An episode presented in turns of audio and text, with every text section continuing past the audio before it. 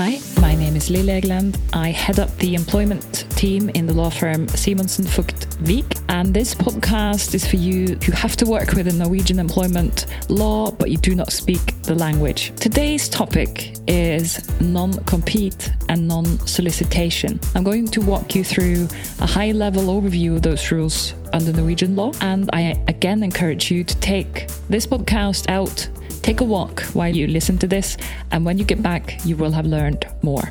Right, so non compete, non solicitation. What are those? Non compete is actually defined in Norwegian law. It says it's an agreement between the employer and the employee limiting the employee's freedom to take up a post at another employer or to commence, operate, or participate in other undertakings following termination of the employment. Oh, I have to breathe now. It's uh, obviously a very legal term of saying that you cannot start working for a competitor when you leave this company. Next, non solicitation. There are two types of non solicitation clauses. You could have the non solicitation of customers and the non solicitation of employees. Non solicitation of customers, again, it's defined by law. It is an agreement between the employer and the employee, limiting the employee's freedom to contact the employer's customers following termination of employment. Or, in other words, you cannot try to steal our customers when you leave. Now, the non solicitation of employees is not defined by law, but this is basically a provision saying you cannot try to steal our employees when you leave. So, we're going to go into the legislation that governs these uh, provisions and say, and we're going to look at how valid are they? Can we agree on these and for how long can we and do we need to pay anything to do it? Before we do that, I want to let you know that there's a big, big distinction between these types of clause, clauses entered into in the capacity as an employee versus entering in the, into them as a capacity of a shareholder. What we're going to look at today is the employee hat. We are assuming that this clause has been entered into when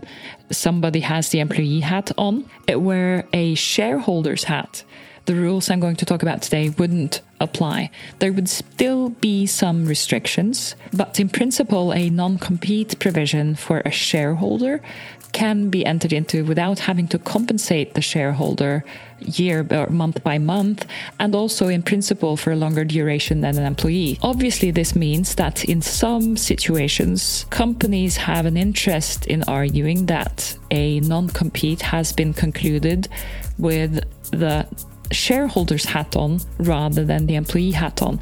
Typically, in situations where you have long term incentive plans or option schemes, etc., which means that the employee is also becoming a shareholder.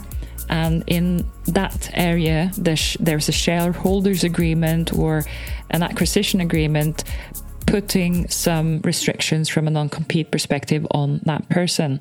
So what I can say is it won't go into detail, but there's always a risk if you if a person is both an employee and a shareholder, there's a risk that a court of law would find that the non compete provision has been entered into with the employee hat on and not the shareholder's hat on, and in which case you have a problem if you have not enforced it in the way that you should if it were the employee hat. That's a different topic, but now you are aware that this is indeed a question. So let's move on to a non compete clause. Now, the first thing to remember about non compete clauses is that, is that contrary to, for instance, the UK, the question of whether or not a non compete clause is valid is relevant at the time of the termination and not at the time of the signing of the contract. So you could, as an employer, basically be quite broad in who you are asking to sign non compete clauses as long as you have the suspicion that this person may end up in a position where you need a non compete clause, then the recommendation would be that you include that in the employment contract. So, in order for a non compete to be valid, there are several legal requirements. First of all, it needs to be in writing. That is typically done, so that's not going to be a big issue. Secondly, the maximum length of the non compete is 12 months from the expiry of the notice period. That doesn't mean that the full 12 month bill be valid, but at least it is, it is the maximum that you uh, can, can agree on. The third requirement is that in order for it to be valid, it needs to be, and I quote from the law again now, sorry about that, necessary to maintain the employer's specific need for protection against competition. This is, in fact, a again a difficult legal term.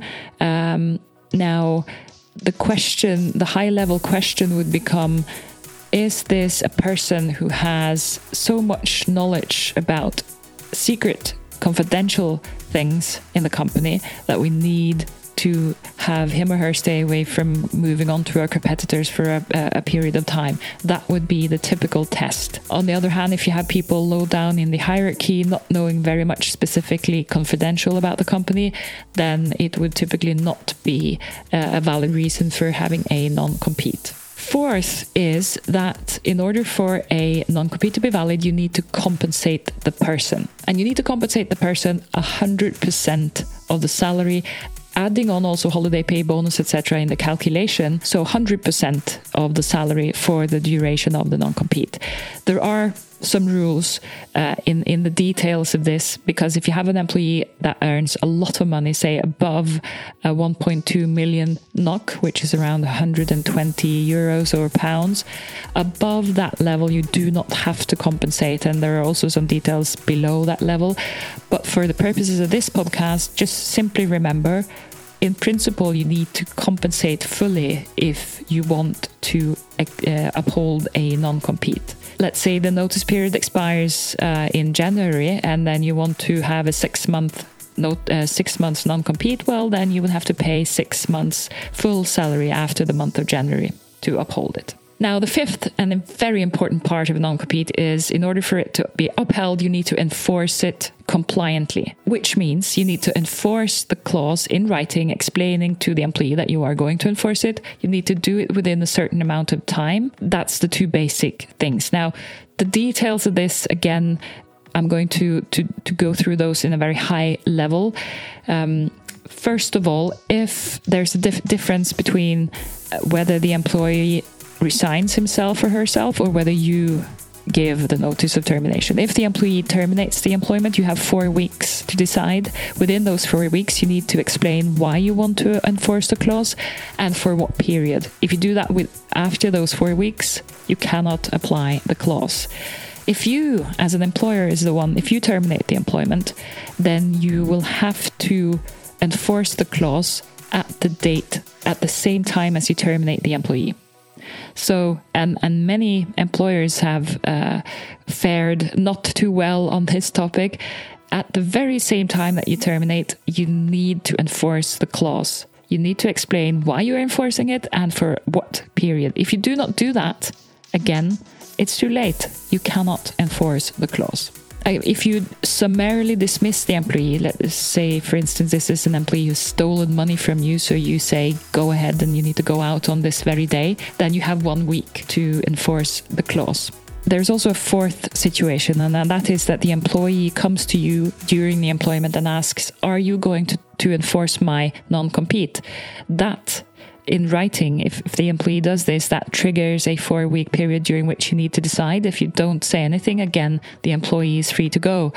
Um, now, this sounds like a hypothetical situation because you can ask who would ask their employer about this if they hadn't already quit. Well, I can tell you this has happened, and I've seen companies um, not fare well on that as well, uh, basically losing the ability or the possibility to enforce the clause. That's a high level on on the um, non-compete. The non-solicitation of customers clause is the same obligation when it comes to explaining, which means that if you want to enforce a non solicitation of customers, you need to, within the same deadlines as I mentioned, provide in writing an explanation of whether you want to enforce it and for which customers. And this cannot be repeated enough. You need to provide a customer list that details the specific customers that you want the employee to stay away from. And mind you, it cannot be all customers. From a legal point of view, you can only list those customers that the employee has had contact with or responsibility for for the last year before the termination. And those needs to be detailed in a list. If you simply write, well, stay away from all customers, it's not valid, you haven't correctly enforced it, so it does not apply the non solicitation clause. The last topic is the non solicitation of employees. This is not regulated by any specific law. However, there are still some thresholds uh, in the Agreements Act saying that as for any agreements, if you have a, a, unreasonable clause, then it is invalid. For, for all practical purposes, if you agree on non-solicitation clauses for 12 months uh, of employees, that would typically be valid. If you try to go above 24 months, that's not going to hold up. Anything between 12 and 24 months uh, after the termination is possibly valid, but not necessarily. I would stick to be uh, below 12 months non solicitation of employees to make sure that you can actually uphold it.